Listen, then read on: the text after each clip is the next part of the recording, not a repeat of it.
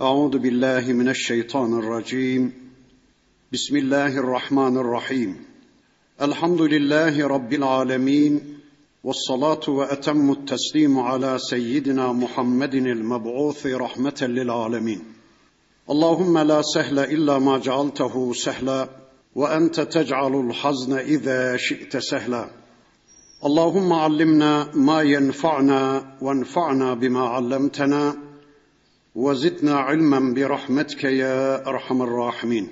أما بعد بسم الله الرحمن الرحيم. وإذ قال إبراهيم رب اجعل هذا البلد امنا واجنبني وبني أن نعبد الأصنام. رب إنهن أضللن كثيرا من الناس فمن تبعني فإنه مني ومن عصاني فإنك غفور رحيم. İlâ ahiril ayat. Sadakallahul azim. Muhterem müminler, birlikte İbrahim suresini tanımaya çalışıyorduk. Geçen haftaki dersimizde surenin 35. ayetine kadar gelmiştik. İnşallah bu haftaki dersimizde de okumuş olduğum bu 35. ayeti kerimesinden itibaren surenin sonuna kadar inşallah bu hafta tanımış olacağız her dersimizde ifade ettiğimiz gibi inşallah burada okuduğumuz, öğrendiğimiz, duyduğumuz Allah ayetleriyle önce Allah'ın istediği biçimde iman edeceğiz. Sonra da bu imanlarımızla yarınki hayatımızı düzenlemek üzere bu imanlarımızı yarınki hayatımızda pratize edip görüntülemek üzere ciddi bir gayretin, ciddi bir çabanın içine inşallah gireceğiz. Okuduğum bu son bölümde İbrahim Aleyhisselam'ın duaları, İbrahim Aleyhisselam'ın tevhidi, İbrahim Aleyhisselam'ın takvası ve teslimiyeti gündeme getirilerek kendilerini İbrahim Aleyhisselam'a izafe etmeye çalışan biz Hanifleriz. Biz İbrahim Aleyhisselam'ın izindeyiz. Bizler İbrahim Aleyhisselam'ın yolundayız diyen Mekke müşrikleri yargılanacak. Yine biz büyük ata İbrahim Aleyhisselam'ın izinde yolundayız diyen günümüz Yahudi ve Hristiyanları yargılanacak. Bakın bu bölümde İbrahim Aleyhisselam'ın dualarını Rabbimiz şöylece gündeme getirmeye başlıyor. Ve iz kâle İbrahimu İbrahim Aleyhisselam dedi ki Rabbi ceal hâzel belede amina. Ya Rabbi bu beldeyi emin bir belde kıl. Ya Rabbi bu beldeyi emniyette kıl. Tüm dünyada insanlar zulümle, haksızlıkla birbirlerini yemeye çalıştıkları bir ortamda bile Ya Rabbi bu beldede emniyet hakim olsun. Bu beldede oturan insanlar senin emnü emanın altında emniyet içinde sana kul olsunlar. Bu belde diye İbrahim Aleyhisselam'ın kastettiği belde Mekke şehriydi, haram bölgesiydi. Sonra bakın İbrahim Aleyhisselam'ın duası devam ediyor. Ve cunubni ve beniye en na'budel asnam. Bir de ya Rabbi beni ve zürriyetimi, beni ve oğullarını puta tapmaktan uzak tut.'' Beni ve oğullarımı putçuluktan beri kıl ya Rabbi. Çünkü Rabbi innehunne azlelne kethiren minen nas. Ya Rabbi o putlar tarih içinde pek çok insanı saptırmıştır. Femen tebi'ani fe innehu minni. Kim bana tabi olursa benim zürriyetimden kim bana tabi olursa kim takva konusunda teslimiyet konusunda, tevhid konusunda beni izler, bana tabi olursa o bendendir. وَمَنْ asani Kim de bana isyan ederse, benim yolumun dışında başka bir yol tutturursa, فَاِنَّكَ غَفُورٌ rahim Ben onları sana havale ediyorum. Sen gafur ve rahimsin ya Rabbi. Bakın İbrahim Aleyhisselam'ın duası o kadar hoş, o kadar güzel ki ya Rabbi beni ve oğullarımı putçuluktan uzak tut. Beni ve oğullarımı put egemenliğinde bir hayattan uzak tut ya Rabbi. Ben ve oğullarım senin egemenliğinde Müslümanca bir hayat yaşayalım. Tevhid icre bir hayat yaşayalım. Çünkü o putlar tarih içinde pek çok insanları saptırmıştır. Aslında putlar insanları saptıramaz. Putun ve putçuluğun açığa çıktığı Nuh Aleyhisselam döneminden günümüze kadar hiçbir puttan insanlığa bir ses gelmemiştir. Ne Afrodit'ten, ne Zeus'tan, ne Lat'tan, Menat'tan, Uzza'dan, Hubel'den, ne güneş tanrıçasından, ne ay tanrıçasından bugüne kadar insanlığa hiçbir ses gelmemiştir. Yani ey insanlar ben sizin şöyle bir hayat yaşamanızı istiyorum. Ben sizden şunları şunları yapmanızı, şunlardan şunlardan uzak durmanızı istiyorum diye tarih içinde putlardan insanlara hiçbir talimat, hiçbir emir, hiçbir ses duyulmamıştır, gelmemiştir. Ama putun arkasına saklanan kimi insanlar kendilerinin tanrı, tanrılıklarını iddia etmekten aciz, güçsüz, zavallı kimi insanlar putun arkasına saklanmışlar, putları konuşturmuşlar ve putlar sayesinde yeryüzünde kendi egemenliklerini gerçekleştirmişler, kendi hegemonyalarını kurmuşlar. Bu konuda hafızanızda canlı kalsın diye bir örnek vermek istiyorum. Bakın Mekke'de Naile isimli bir put vardı. Mekkeliler diyorlar ki Naile diyor ki aslında put konuşmaz da az evvel ifade ettim. Putun arkasına saklanan birileri Naile putunu şöyle konuşturmuşlar. Naile diyor ki ne diyormuş Naile? Şunları söylüyormuş. Mekke'nin dışından taşradan Mekke'ye Kabe'yi ziyaret maksadıyla gelenler üzerlerindeki günahkar elbiselerle Kabe'nin avlusuna giremezler. Üzerlerindeki günahkar elbiselerle Kabe'yi tavaf edemezler. Ne olacak? Çok fazla parası olanlar Kureyş'ten yani Mekkelilerden bir elbise satın almalı. Az parası olan yine Kureyş'ten bir elbise kiralamalı. Hiç parası olmayan da Kureyş'ten elbise almamalı ama çıplak Kabe'yi tavaf etmeli. Çünkü üzerlerindeki günahkar elbiselerle insanların Kabe'nin avlusuna girmesi haramdır. Bunu kim söylüyor? Bunu Hubel söylüyormuş. Aslında Hubel söylemez de Hubel isimli putun arkasına saklanan birileri putu konuşturuyorlar. Hedef neydi? Bakın hedef şu. Çok parası olan bir elbise satın alacak. Kureyş'in yani Mekkelilerin cebine para girecek. Az parası olan bir elbise kiralayacak. Yine Mekkelilerin cebine para girecek. Hiç parası olmayan da Kabe'yi çıplak tavaf edecek. Bu defa da ahlaksızlık adam boyu yükselecek. Affedersiniz Mekke'nin genel evi patronlarına yine para çıkacak, iş çıkacak. Bakın aslında put konuşmaz da putun arkasına saklanan birileri o put sayesinde kendi egemenliklerini gerçekleştirmeye, kendi hegemonyalarını kurmaya çalışmışlar. Mesela şu anda müdür bey öyle diyor değil mi? Bu kıyafet yönetmeliklere aykırı. Olmaz efendim yönetmeliklere göre, yasalara göre böyle bir şey mümkün değil. Peki yönetmelik kim? Yasa kim? Yönetmelik ya da yasa konuşur mu? Hayır ama o yönetmeliklerin, o yasaların arkasına saklanan birileri onlar sayesinde kendi egemenliklerini, kendi hegemonyalarını kurmak istiyorlar. İşte bakın Allah'ın elçisi İbrahim Aleyhisselam diyor ki Ya Rabbi o putlar tarih içinde pek çoklarını saptırdı.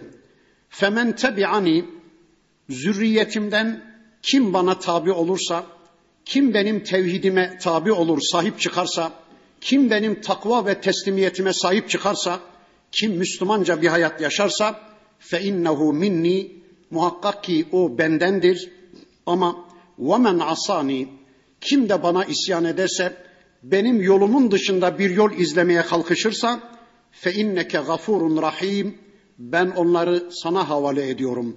Ya Rabbi sen gafur ve rahimsin. İbrahim Aleyhisselam'ın bu merhametli sözleri, merhametli dokunuşları tıpkı İsa Aleyhisselam'ın şu sözlerine benziyor.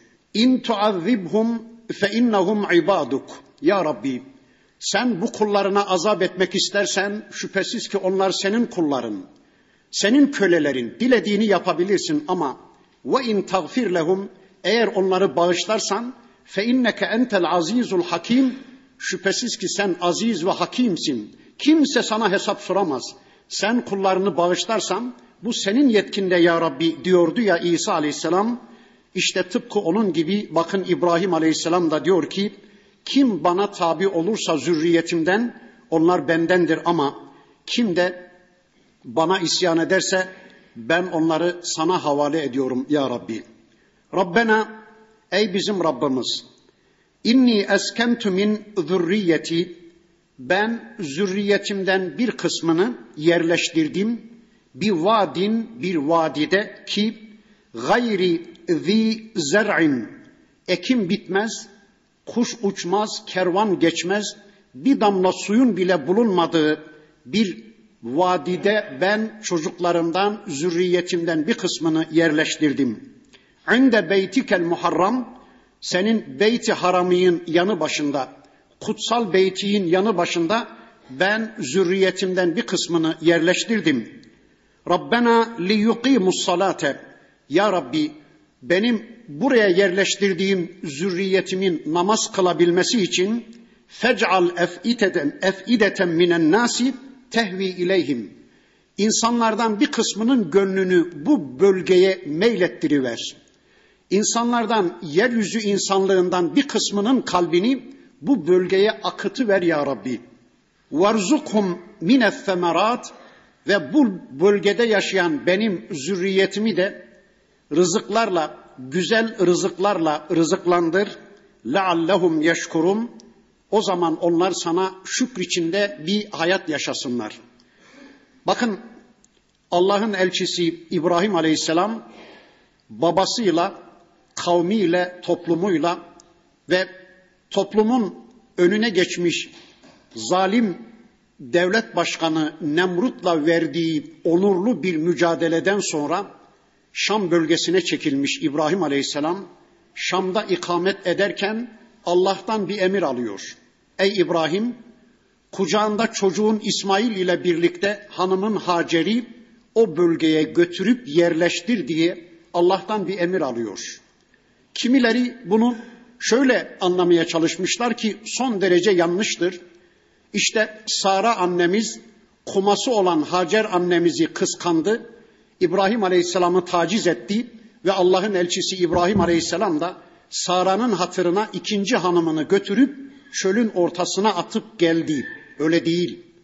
Eğer öyle olsaydı mesele bir peygamber sünneti olarak şu anda içimizdeki iki evliler ya önceki hanımlarını ya sonraki eşlerini götürüp bir yerlere atıp gelebilirlerdi. Öyle değil. Allah istiyordu ki orada bir şehir kurulsun, Mekke şehri kurulsun, Nuh tufanında yıkılan Kabe'nin temelleri açığa çıkarılsın, böylece İslam ümmetinin, Müslümanların kıblegahı oluşsun. İşte Allah bunu istiyordu. Ve İbrahim Aleyhisselam'a böyle bir emir verdi. Allah'ın elçisi İbrahim Aleyhisselam kucağında çocuğu İsmail ile birlikte emzikliydi İsmail Aleyhisselam. Küçücük bir çocuk. Karısı Hacer annemizi götürdü şu andaki zemzem kuyusunun bulunduğu yere yerleştirdi ve Allah'tan aldığı emir gereği arkasına bakmadan geri döndü. İbrahim Aleyhisselam uzaklaşırken arkasından Hacer annemiz bağırdı. Ey İbrahim arkana dönme, Rabbinin emrine isyan etme.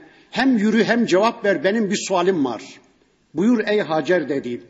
İbrahim atamız dedi ki Hacer annemiz ey İbrahim beni ve kucağımdaki bu emzikli çocuğumu bu çölün ortasında bırakıp giderken bu işi sen mi kararlaştırdın? Sen mi iştihad ettin? Yoksa Allah mı emretti? Allah mı istedi? Ben bunu öğrenmek istiyorum.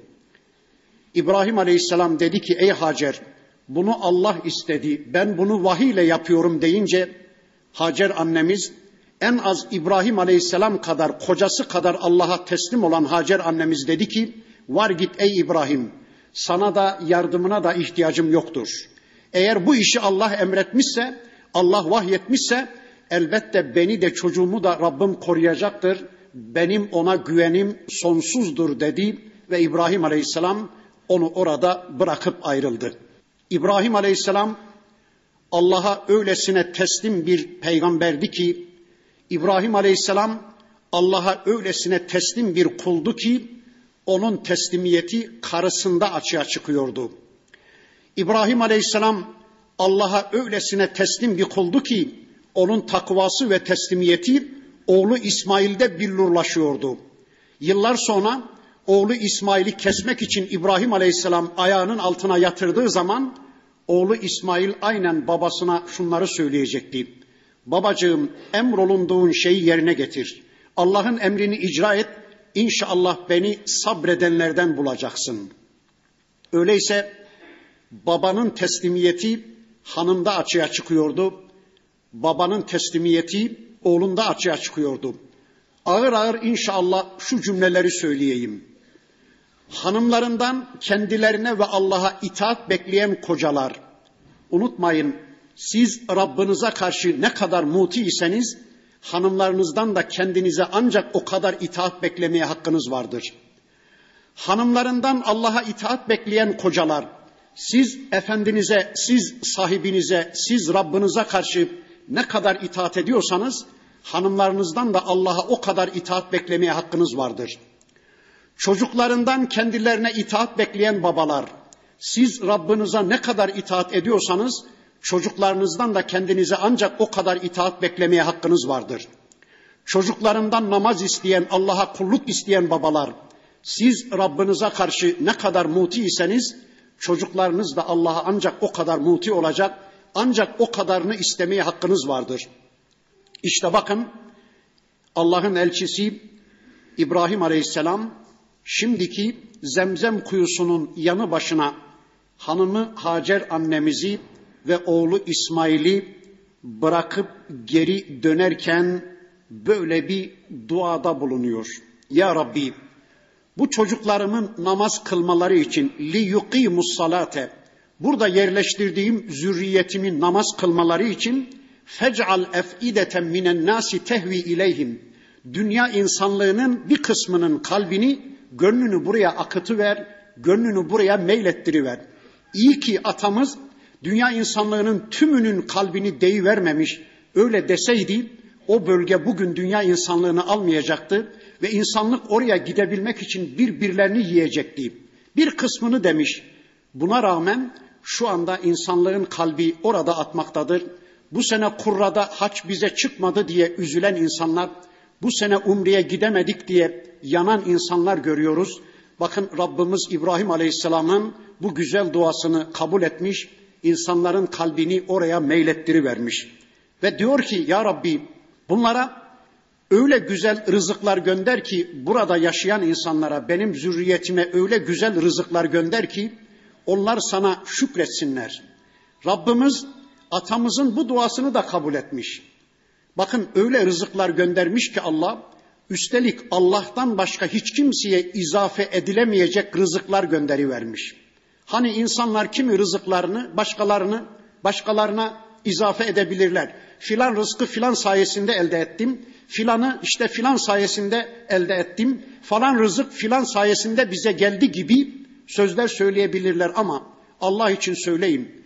Yerin altından çıkan o petrolü Allah'tan başka kime izafe edebilir insanlar? Kimsenin elinin değmediği sadece Allah'a izafe edilebilen bir nimettir ya da zemzemi kime izafe edebilir şu anda insanlar? Sadece Allah'ın gönderdiği bir nimettir. Bir de dünyanın her bir coğrafyasından hacca gelen, umreye giden insanlar o coğrafyanın, o iklimlerin meyvelerini o bölgeye götürüyor. İşte şu anda Rabbimiz İbrahim Aleyhisselam'ın o duasını kabul buyurmuş. Şimdi bakın sözlerimin başında dedim ki İbrahim Aleyhisselam'ın duaları gündeme getirilerek Mekke müşrikleri yargılanacak. Bakın burada nasıl bir yargılanma var? İbrahim Aleyhisselam diyecek ki Ya Rabbi beni ve zürriyetimi putçuluktan uzak tut diyecek. Böyle dua edecek. Çünkü o putlar tarih içinde pek çok insanları saptırmıştır diyecek. Onun vefatından 2000 yıl sonra Mekke müşrikleri Kabe'nin içini 360 tane putla dolduracak. Sonra her birerinin evinde özel aile putları olacak. Yüzlerce put olacak hayatlarında. Put egemenliğinde bir hayatın mahkumu olacaklar. Sonra bir peygamber gelecek.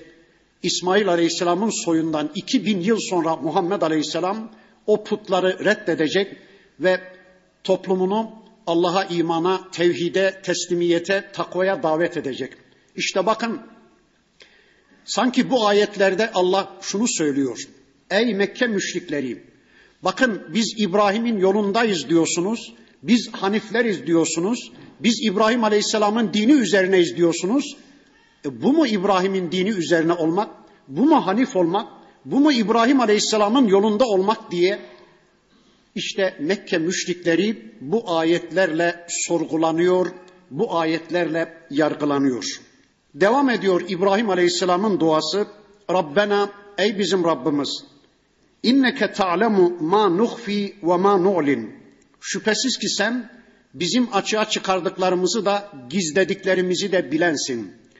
Bizim konuşup açığa çıkardıklarımızı da kalplerimizde sakladığımız niyetlerimizi de bilen sensin.'' içimizi de dışımızı da bilen sensin. Vadinin önünü de vadinin arkasını da bilen sensin. Şu vadinin arkasında bıraktığım çocuklarımın ve vadinin berisinde olan benim ne yaptığımı, ne ettiğimi, neye muhtaç olduğumu bilen sensin. Ve ma yakfa alallahi min şeyin fil ardı ve la fis sema. Zaten göklerde ve yerde hiçbir şey Allah'a gizli kalmaz. Allah her şeyi bilmektedir.'' Devam ediyor atamız İbrahim Aleyhisselam'ın duası. Elhamdülillahillezî vehebe li alel kiberi İsmail ve İshak. Yaşlılık yıllarımda, ihtiyarlık dönemimde bana İsmail'i ve İshak'ı lütfeden Rabbime hamdolsun. Rivayetlere göre İbni Abbas Efendimizin beyanına göre İbrahim Aleyhisselam İsmail Aleyhisselam'a 100 yaşlarında ulaştı. Önce İsmail Aleyhisselam'ı verdi Allah İbrahim Aleyhisselam'a. 114 ya da 116 yaşlarında da İshak Aleyhisselam'ı lütfetti Rabbimiz atamız İbrahim Aleyhisselam'a. Önceki sureyi birlikte okumuştuk. Orada anlatmıştı Rabbimiz. Melekler İshak Aleyhisselam'ı müjdelemek için geldiklerinde İbrahim Aleyhisselam 114-116 yaşlarında erkeklik misyonları bitmiş, erkeklik fonksiyonlarını yitirmiş. Sara annemiz de o da yüz küsür yaşlarında üstelik kısırdı. Gençliğinde bile bir çocuk doğuramamıştı Sara annemiz. Melekler onlara İshak Aleyhisselam'ı müjdeleyince mutfakta meleklerin o sözünü işiten Sara annemiz ellerini ağızlarına götürmüş Vay demişti. Vay benim başıma gelenlere. Demek benim bir çocuğum olacak ha. Bu yaştan sonra üstelik kocam da bir piri fani olduğu halde ben kadınlık fonksiyonlarını yitirmiş, kocam da erkeklik misyonunu kaybetmiş. Böyle bir çağda benden bir çocuk dünyaya gelecek ha. Ben bir çocuk doğuracağım ha. Bir taraftan heyecan, bir taraftan sevinç, bir taraftan utanmayla karışık annemiz mutfaktan bağırınca Allah'ın elçisi melekler şöyle demişlerdi. Evet dediğiniz doğrudur ey Sara ama Allah için zor diye bir şey yok ki. Allah olmazı oldurandır. Allah her şeye güç getirendir demişti. Böylece İsmail aleyhisselam önce dünyaya gelmiş. İshak aleyhisselam da işte 114-116 yaşlarında rivayetlere göre İbrahim aleyhisselama lütfedilmişti. Bakın atamız İbrahim Aleyhisselam tüm zürriyetine, tüm torunlarına örnek olacak bir dua yapıyor. Yaşlılık yıllarında bana İsmail'i ve İshak'ı lütfeden Rabbime hamdolsun. Öyleyse biz de büyük atayı örnek alarak ister gençlik yıllarımızda, ister olgunluk yıllarımızda, isterse yaşlılık yıllarımızda bir çocuğa ulaştığımız zaman biz de hemen Rabbimize hamd edeceğiz. Bu kızı bana lütfeden Rabbime, bu oğlanı bana lütfeden Rabbime hamdolsun. Eğer Rabbim lütufta bulunmasaydı benim böyle bir çocuğa ulaşma imkanım yoktu diye biz de Rabbimize hamd edeceğiz. Rabbimize şükredeceğiz. Rabbena ve tekabbel dua. Ya Rabbi tüm dualarımızı kabul et. Bundan sonra yine İbrahim Aleyhisselam'ın duası devam ediyor. Bakın diyor ki Rabbena gfirli ve li valideyye ve lil mu'minine yevme yekumul hesab.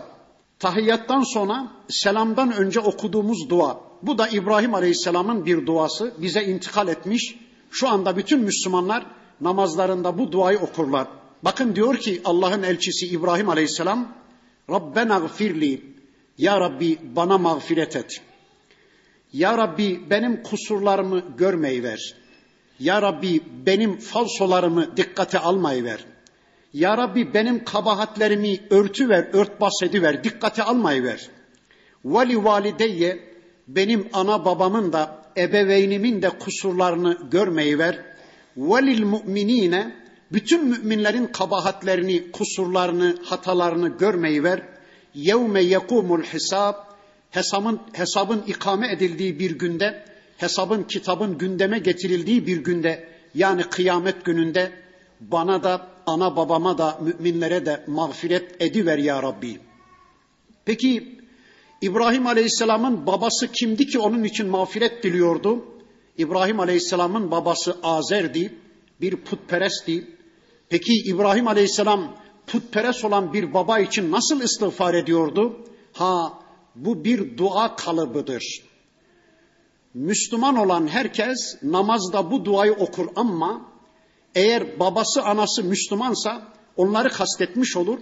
Eğer bu duayı okuyan Müslümanın babası anası kafirse burada kastedilen kişinin kendi babası anası değil, Adem atamıza kadar tüm mümin atalarımız kastedilmektedir. Bu bir dua kalıbıdır. Mesela şu anda bir Alman Müslüman olsa, anası da babası da kafir olsa, o Alman da namazında bu duayı okumaya başlar ve ana baba derken ebeveynime de mağfiret et ya Rabbi derken kendi anası babası değil Müslüman atalarımız yani Müslüman olarak başlayan ve Adem Aleyhisselam'a kadar ulaşan tüm atalarımız kastedilmektedir. Bu bir dua modelidir. Bunu böylece anlamak zorundayız. Bundan sonra İbrahim Aleyhisselam'ın duası bitti. Şimdi bakın Rabbimiz Peygamber Aleyhisselam'a şunları söylüyor. Tabi Peygamber Efendimizin şahsında hepimize Rabbimiz bakın şunları söylüyor. وَلَا تَحْسَبَنَّ اللّٰهَ غَافِلًا amma ya'melu zalimun. Ey peygamberim, ey peygamber yolunun yolcusu Müslümanlar. Sakın ha zalimlerin, kafirlerin yaptıkları konusunda Allah'ı gafil sanmayın.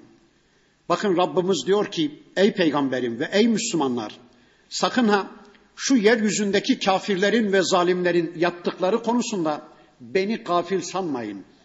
Ben gafil değilim. Ben onların tümünden haberdarım. Ben onların yaptıklarının tümünü bilmekteyim. Peki iyi ya Rabbi öyleyse madem bu kafirleri niye helak etmiyorsun? Bu zalimlerin defterini niye dürmüyorsun ya Rabbi? Müslümanları onlara karşı niye galip getirmiyorsun ya Rabbi diye eğer bir soru soracak olursanız bakın Allah cevabını veriyor. İnnemâ yuakhirukum ben onları tehir ediyorum. Ben onları erteliyorum.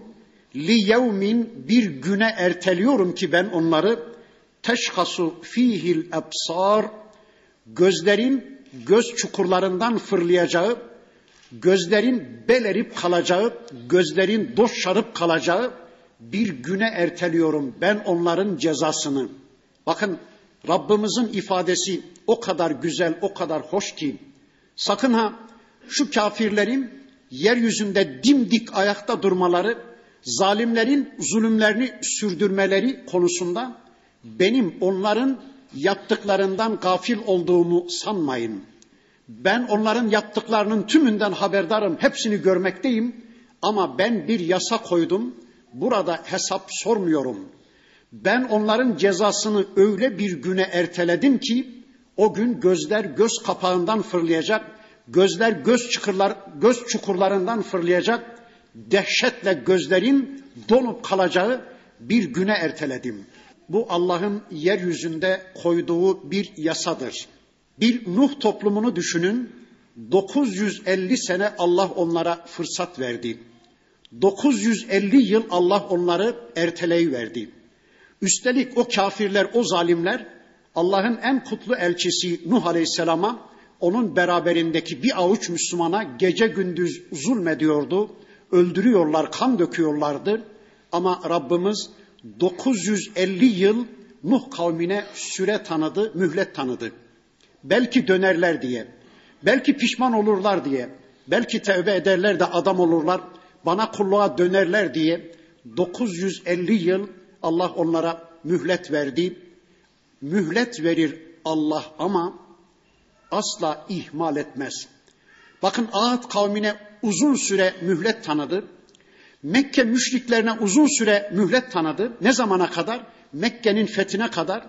Suudi Arabistan yarımadasının tümüyle Müslüman olacağı güne kadar Mekke müşriklerine fırsat tanıdı. Öldürmelerine izin verdi. Müslümanlara zulmetmelerine izin verdi. Şu anda yüz yıldır Amerika'ya fırsat tanıyor. Hristiyanlık ve Yahudilik dünyaya fırsat tanıyor Rabbimiz. Yüz yıldır öldürüyorlar, kan döküyorlar, zulmediyorlar. Ama Allah diyor ki ben böyle bir yasa koydum. Ben onları bir güne tehir ediyorum. Peki burada bir soru sorayım. Onların öldürdükleri Müslümanlar nereye gitti? Adem Aleyhisselam'dan şu ana kadar yeryüzünde kafirlerin ve zalimlerin öldürdüğü şehit olan Müslümanlar nereye gitti? Uğrunda cenneti, uğrunda şehadeti yudumladıkları cennete gittiler değil mi? Uğrunda şehadeti göze aldıkları cennete gittiler değil mi? Evet. Peki öldürenler nereye gidiyor? Peki onlar sağ değil, onlar da elbette öldüler. Bugünkü zalimler de yarın ölecekler. Onlar nereye gidiyorlar? Onlar da cehenneme gidiyorlar. Peki kim karlı? Kim kazançta? Kim kayıpta? Elbette Müslümanlar karlı. Sorgusuz sualsiz Müslümanlar cennete gitti. Şehadet şerbetini yudumladı. Ama kafirlerin hepsi onu öldürenler, o Müslümanları öldürenler cehenneme gitti. Öyleyse kafirlere bu dünyada uzun süre Allah'ın mühlet tanıması kafirlerin lehine değil. Müslümanların şehadeti Müslümanların aleyhine değil. Sonunda kazanan Müslümanlar sonunda kaybeden yine kafirler. Bakın Allah diyor ki ben onları öyle bir güne erteliyorum ki ben onların cezasını öyle bir günde vereceğim ki muhti'ine muqni'i ruusihim onların başları yukarıya doğru dikilmiş böyle korkunç bir manzara başları yukarıya doğru dikilmiş gözleri göz çukurlarından fırlayacak hale gelmiş dışarıya çıkmış sanki belerip durmaktadır gözleri. La yerteddu ileyhim tarfuhum gözleri asla kendilerine dönmez. Yani onlar gözlerine malik bile değiller. Gözleri onların kontrolöründen çıkmış, gözlerini yumamıyorlar bile, kapatamıyorlar bile. Sanki göz çukurlarından fırlamış, dışarıya çıkmış. Niye? Çünkü reddettikleri kıyametin kopuşunu görünce olmaz dedikleri, gelmez dedikleri, mümkün değil dedikleri kıyamet gerçeğiyle karşı karşıya gelince korkudan, dehşetten kafirlerin gözleri dışarıya çıkmış, artık gözleri kendi kontrollerinden de çıkmıştır. Ve efidetuhum heva bir de onların kalpleri de bomboştur o gün. Kafirlerin kalpleri, zalimlerin kalpleri o gün bomboştur. Bunu nasıl anlayacağız? Bakın bu dünyada kalp taşıyan bir insan eğer kalbi işlevini kaybetmemişse, kalbi fonksiyonunu kaybetmemişse, mesela şurada bir çocuk ateşe doğru gitse, kalbi cız der insanın değil mi? Çok perişan bir dilenci falan görse, kalbi yanar, kalbi kan ağlar bir Müslümanın değil mi? Yani hadiseler karşısında Müslümanın kalbi tavır alır. Çünkü misyonu var. Ama o gün kafirin kalbi bomboştur diyor Allah. Ne demek o? Yani kalbin misyonu bitmiş. Kalbin işlevi bitmiş. Yürüsem mi dursam mı? Kaçsam mı saklansam mı? Ağlasam mı gülsem mi? Kalbin kararı kalmamış. İşte böylece onların kalbi bomboştur diyor Allah. Sonra ve enzirin nase peygamberim insanları uyar yevme ye'tihimul azabu bir gün o insanlara azap gelecek. İnsanlara gelecek bir günün azabıyla insanları uyar ey peygamberim. Onlara azap gelecek de feyekulu lezine zalemu zalimler diyecekler ki Rabbena ey bizim Rabbimiz.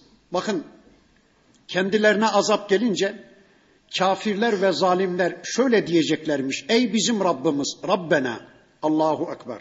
Dünyada Allah'ın adını anmak şöyle dursun. Allah'ın adının anıldığı yerde bile duramayacak kadar Allah'a düşman kesilen, Allah'tan nefret eden kafirler ve zalimler bakın o gün ne diyorlar? Rabbena ey bizim Rabbimiz ahirna ile ecelin garib ne olur bizi birkaç gün ertelesen?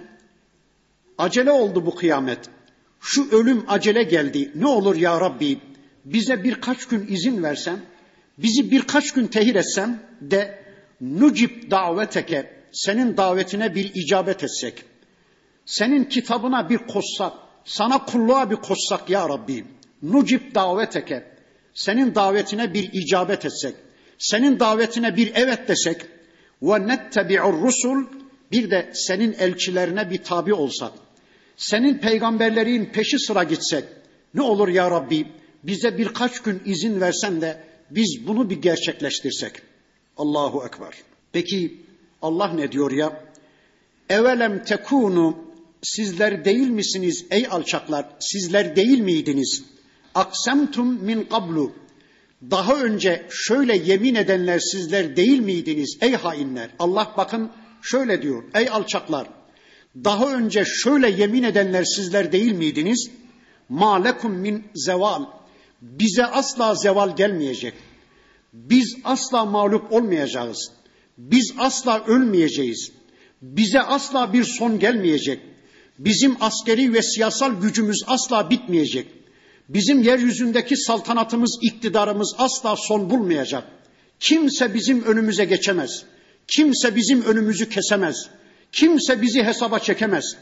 Kimse bizi öldüremez. Bize asla zeval gelmeyecek diyenler sizler değil miydiniz ey alçaklar? Evet, şu anda öyle diyorlar değil mi? Ama bakın yarın diyecekler ki Rabbena ey bizim Rabbimiz. Bu ölüm acele oldu. Şu kıyamet ansızın geldi. Bize üç beş gün müsaade etsen de şu kendi tanrılıklarımızı bir bitirip artık kul olduğumuzu bir anlasak, senin davetine bir icabet etsek, senin kitabını elimizden dilimizden düşürmesek, senin peygamberin rehberliğinde bir hayata koşsak, sana kulluğa koşsak, bize üç beş gün müsaade etsen olmaz mı? Peki izin vermedi mi Allah? Böyle bir fırsatı vermedi mi Allah onlara? Düşünün bir kafir bu dünyada 50 sene, 60 sene, 70 sene, 80, 90 sene yaşıyor. Allah fırsat verdi. Düşünecekleri kadar, Allah'ı tanıyabilecekleri kadar, Allah'a kulluğa yönelebilecekleri kadar dünyada Allah onlara uzunca ömür verdi ama o hainler bu fırsatı değerlendiremediler. Kitabımızın beyanıyla kafirler ve zalimler bunu birçok yerde söyleyecekler. Bu pişmanlıklarını birçok yerde dile getirecekler. Kur'an'ın değişik surelerinde anlatılır. Mesela ölürken diyecekler kafirler bunu. Ya Rabbi ölüm acele oldu. Birkaç gün izin versen de sana kulluğa bir dönsem. Ölürken söyleyecekler. Mezarın içinde bu pişmanlığı gündeme getirecekler. Mizanın başında gündeme getirecekler. Cehenneme girdikleri zaman, ateşi boyladıkları zaman söyleyecekler. Diyecekler ki ya Rabbi ne olur iki saatliğine bizi dünya bir daha geri çevir. Ya Rabbi dünyada aklımız başımızda değilmiş. Dünyada hovardaca bir hayat yaşamışız. Gafil bir hayat yaşamışız. Şimdi aklımız başımıza geldi. Ne olur ya Rabbi iki saatliğine bizi dünya bir daha geri çevir. Bak nasıl namaz kılacağız. Bak nasıl oruç tutacağız. Bak nasıl örtüneceğiz. Bak nasıl Müslümanca bir hayat yaşayacağız. Bak senin elçilerini dilimizden düşürmeden, senin kitabını elimizden dilimizden düşürmeden nasıl Müslümanlığa koşacağız? Ne olur bize iki saatliğine müsaade et de bizi dünyaya bir daha geri çevir ya Rabbi diyecekler. Ama geçmiş olsun. Bakın Allah diyor ki, ey hainler, وَسَكَنْتُمْ ف۪ي مَسَاكِنِ الَّذ۪ينَ ظَلَمُوا أَنْفُسَكُمْ أَنْفُسَهُمْ Sizler üstelik nefislerine zulmetmiş insanların yerlerinde oturdunuz. Allahu Ekber.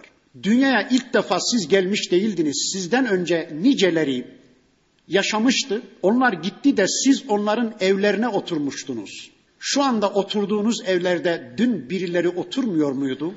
Şu anda sizin tohum attığınız tarlaya dün bir başkaları tohum atmıyor muydu? Şu anda sizin cebinizdeki paralar dün bir başkalarının cebinde değil miydi? Şu anda size yağmur gönderen bulut dün bir başkalarına yağmur göndermiyor muydu? Şu anda size bal yapı veren arı dün bir başkalarının hizmetinde değil miydi? Şu anda bindiğiniz arabalar dün birilerinin altında değil miydi? Yani ölenler öldü. Siz onların evlerine, barklarına yerleştiniz. E gidenler nereye gitti, bu ölenler nereye gitti diye hiç düşünmediniz mi? Hiç ibret almadınız mı? Üstelik siz onların evlerine, barklarına oturmuştunuz. وَسَكَنْتُمْ ف۪ي مَسَاكِنِ الَّذ۪ينَ ظَلَمُوا أَنْفُسَهُمْ وَتَبَيَّنَ لَكُمْ كَيْفَ فَعَلْنَا بِهِمْ Ve üstelik sizden önceki o zalim toplumlara ne yaptığımızı da size uzunca anlattık biz. Anlattı Allah. Ad kavmine ne yaptığını, Semut kavmine ne yaptığını, Bizans'a ne yaptığını, önceki toplumları nasıl cezalandırdığını bu kitabında anlattı Rabbimiz. Bakın öyle diyor. Lekum keyfe faalna bihim ve darabna lekumul emsal her bir misali, her bir örneği de değişik veçeleriyle sizin nazarlarınıza arz ettim. Sizi bu konuda bilgilendirdim diyor Allah. Vakat mekaru mekrahum ve indallahi mekruhum. Sizden öncekiler Allah'a tuzak kurdular. Allah'ın elçilerine tuzak kurdular. Allah'ın mümin kullarına tuzak kurdular. Bakın ve in kana mekruhum litezule minhu'l cibal onların kurdukları tuzaklar dağları yerinden oynatabilecek kadar güçlü olmuş olsa bile onların tuzaklarının tamamı Allah katındaydı. Allah'ın bilgisi dahilindeydi. Ne anlatıyor bu ayet?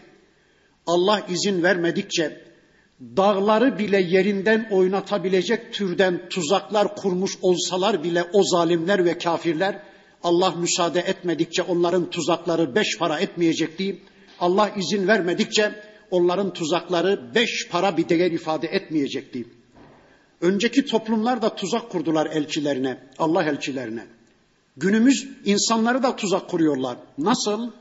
Aman bu çocukların, bu ümmetin çocuklarının kafasında Kur'an'a ve sünnete yer kalmasın diye A kare, B kare, C kare, kurbanın barsağı, Fujiyama yanardağı, Everest tepesinin yüksekliği, filan ülkenin nehirleri, filan ülkenin iklimi, filan ülkenin ekonomisi öyle muzahrafat yığınlarla gençlerin kafasını doldurup orada Kur'an ve sünnete yer kalmasın diye insanlar şu anda Allah'ın dinine, Allah'ın dininin müntesibi Müslümanlara tuzaklar kuruyorlar.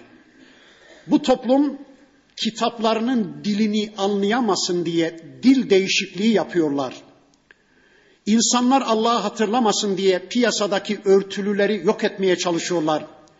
Tüm hayatı, hukuku eğitimi, sosyal ve siyasal tüm hayatı İslam dışı şekillerle şekillendirmeye, insanlar nazarında Allah'ın ayetlerini örtüp örtbas etmeye çalışıyorlar. Şu yaştan şu yaşa kadar Kur'an öğretimi yasaktır diyorlar. O yaştan sonra çocuk Kur'an öğrenmeye döner mi? Dönmez.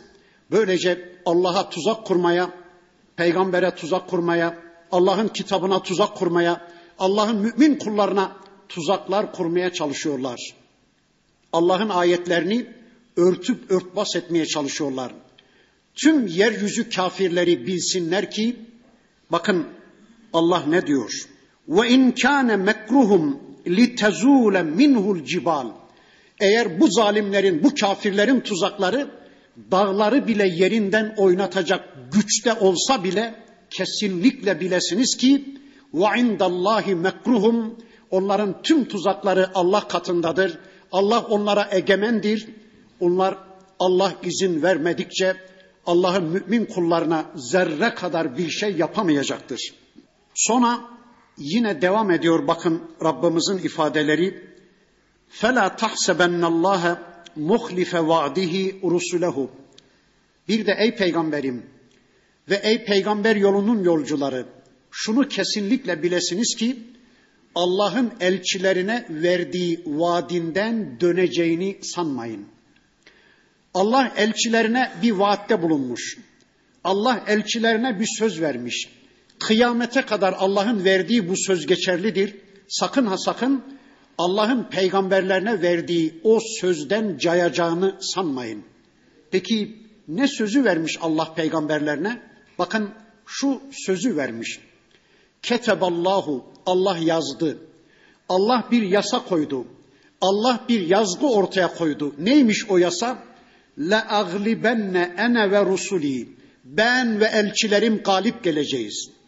Ben ve elçilerim üstün geleceğiz. Ben ve elçilerim galip geleceğiz. Ben ve elçilerimin yoluna tabi olanlar, ben ve Müslümanlar galip geleceğiz. Ben ve Müslümanlar üstün geleceğiz. Bakın Allah bir yasa koymuş. Bu yasa her bir elçisinin döneminde ve kıyamete kadar yeryüzünde geçerli olan bir yasadır. Bir Allah yazgısıdır. Ben ve elçilerim galip geleceğiz. Ben ve elçilerimin safında olan Müslümanlar galip geleceğiz. Allah kendisini Müslümanların safına indirmiş. Allah Müslümanların safında kendisini var kılmış ve diyor ki kıyamete kadar ben ve elçilerim, ben ve elçilerimin yolunu izleyenler galip geleceğiz, üstün geleceğiz. Tamam. Belki yüz yıldır küfür dünyaya mühlet tanıyor Allah. Yüz yıldır. Ama ben öyle inanıyorum ki o yüz yılın sonuna yaklaştık. Yeryüzünde artık Amerika'sıyla, Avrupa'sıyla, Hristiyanlık ve Yahudilik dünyasıyla küfür programını tamamladı.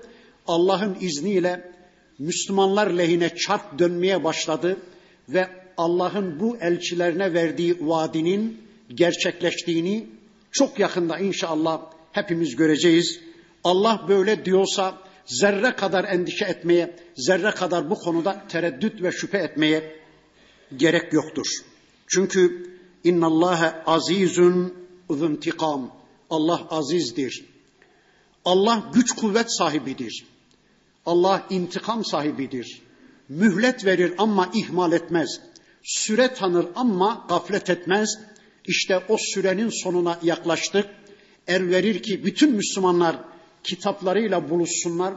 Gece gündüz Allah kelamıyla birlikte, gece gündüz Allah vahiy ile birlikte kendilerini bu işe hazırlasınlar.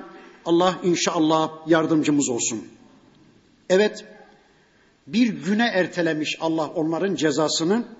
Yevme tubeddelul ardu gayral ardı ve semavat. O gün yer ayrı bir yer, gökler ayrı göklerdir. Şu andaki göklerin defteri dürülmüş, şu anda yer artık bitmiş. Kıyamet günü gökler ayrı gök, yerde ayrı yer. Bilmeyiz. Nasıl bir gök inşa etmiş Allah, nasıl bir yer bina etmiş Allah bilmeyiz ama bakın ayette Allah diyor ki o gün gökler ayrı gök, yerler de ayrı yerdir.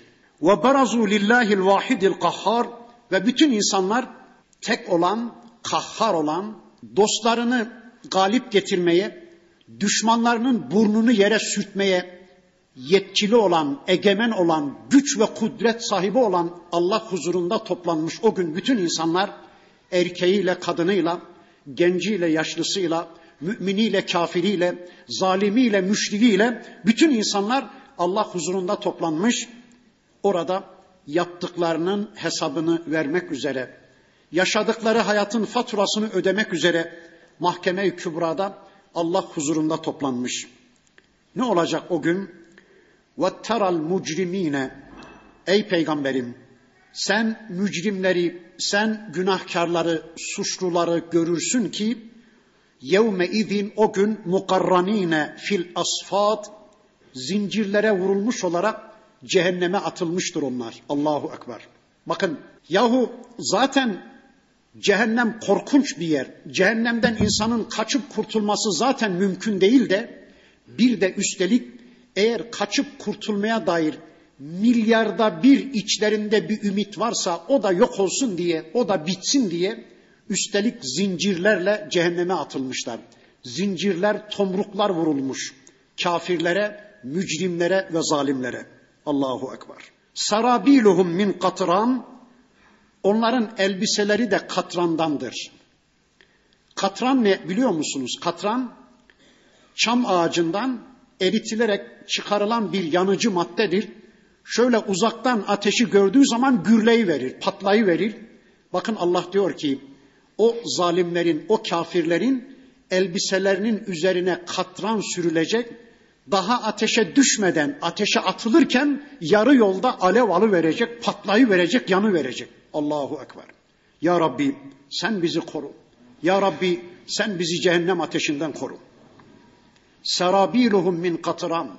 Elbiseleri katranla yağlanmış, elbiselerine katran sürülmüş ve tagşa vucuhehumun nar artık yüzlerini de ateş bürümüştür. Zillet içinde, horluk, hakirlik içinde yüzlerini de alev alev ateş bürümüştür. Peki niye yapıyor Allah bunu? liyedziyallahu kulle nefsin ma kesebet.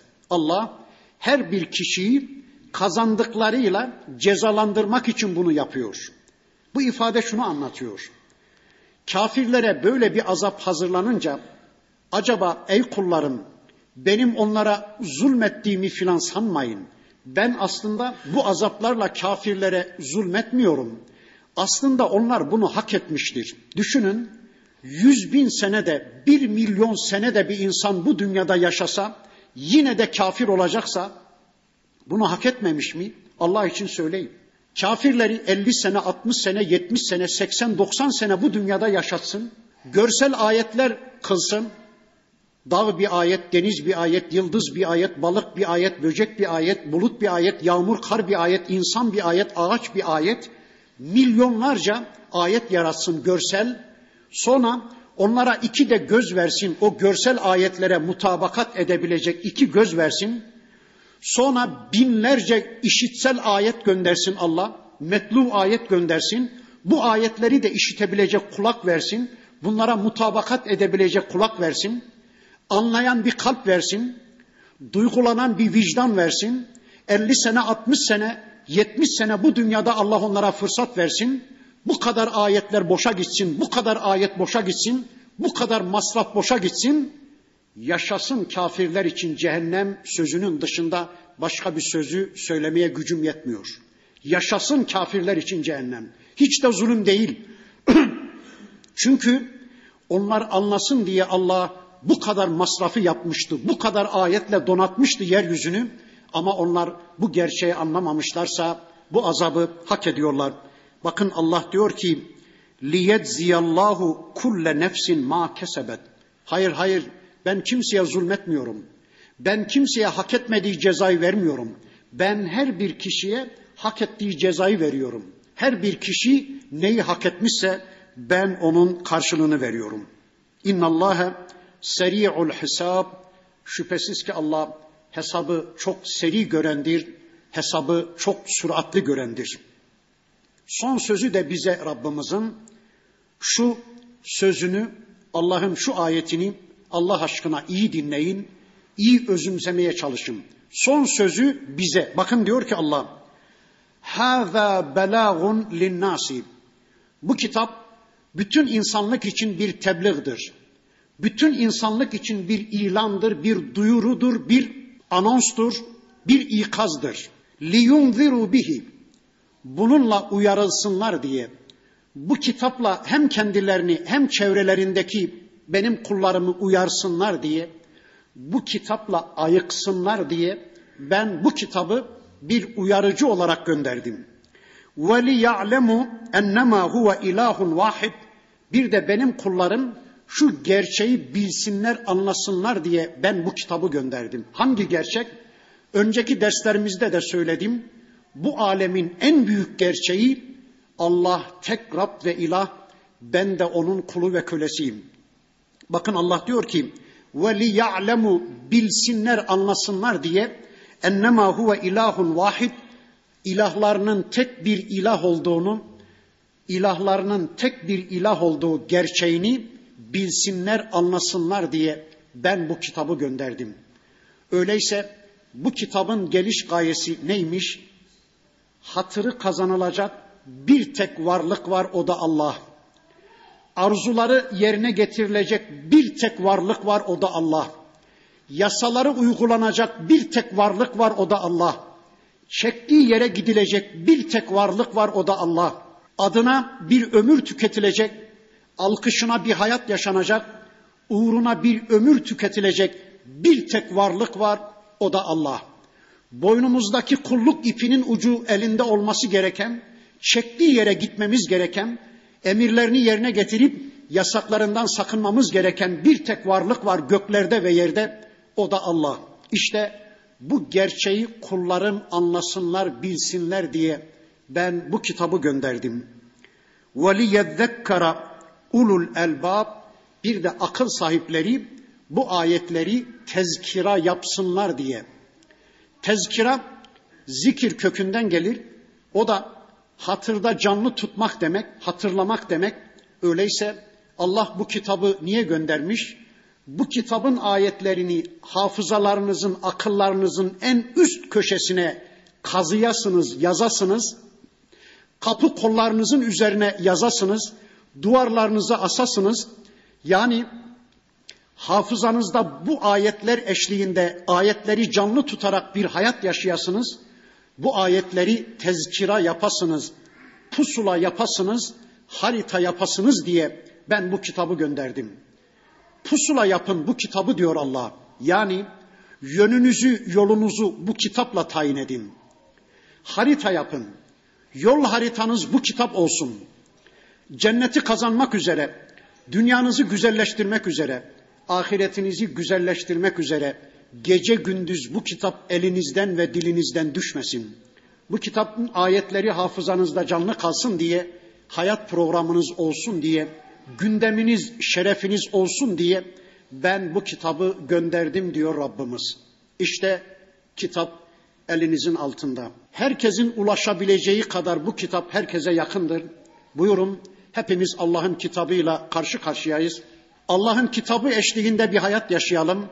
Dünyamız da güzel olsun, ahiretimiz de güzel olsun. Böylece İbrahim suresini de tamamlamış olduk. Allah izin verirse önümüzdeki haftadan itibaren Hicr suresini tanımaya başlayacağız. Bu sezon inşallah Hicr suresini de bitirdikten sonra sırada Nahl suresi var. Allah izin verirse Nahl suresini de birlikte okuyacağız. Rabbim fırsat ve imkan verirse daha sonraki sureleri de inşallah birlikte okumaya çalışacağız. Allah hepinizden, hepimizden razı olsun. Allah razı olduğu kullarının zümresine ilhak eylesin. Kitap ve peygamber eşliğinde bir hayattan bizi ayırmasın. Putlardan ve putçuluktan uzak tutsun. İbrahim Aleyhisselam'ın vasiyetini anlayıp, onların onun dualarını anlayıp, onun takvasını ve teslimiyetini, tevhidini anlayıp o istikamette kulluk icra eden kullarından eylesin. Subhaneke Allahumma ve bihamdik. Eşhedü en la ilahe illa ente estağfiruke ve etubu ileyk. Velhamdülillahi Rabbil alemin.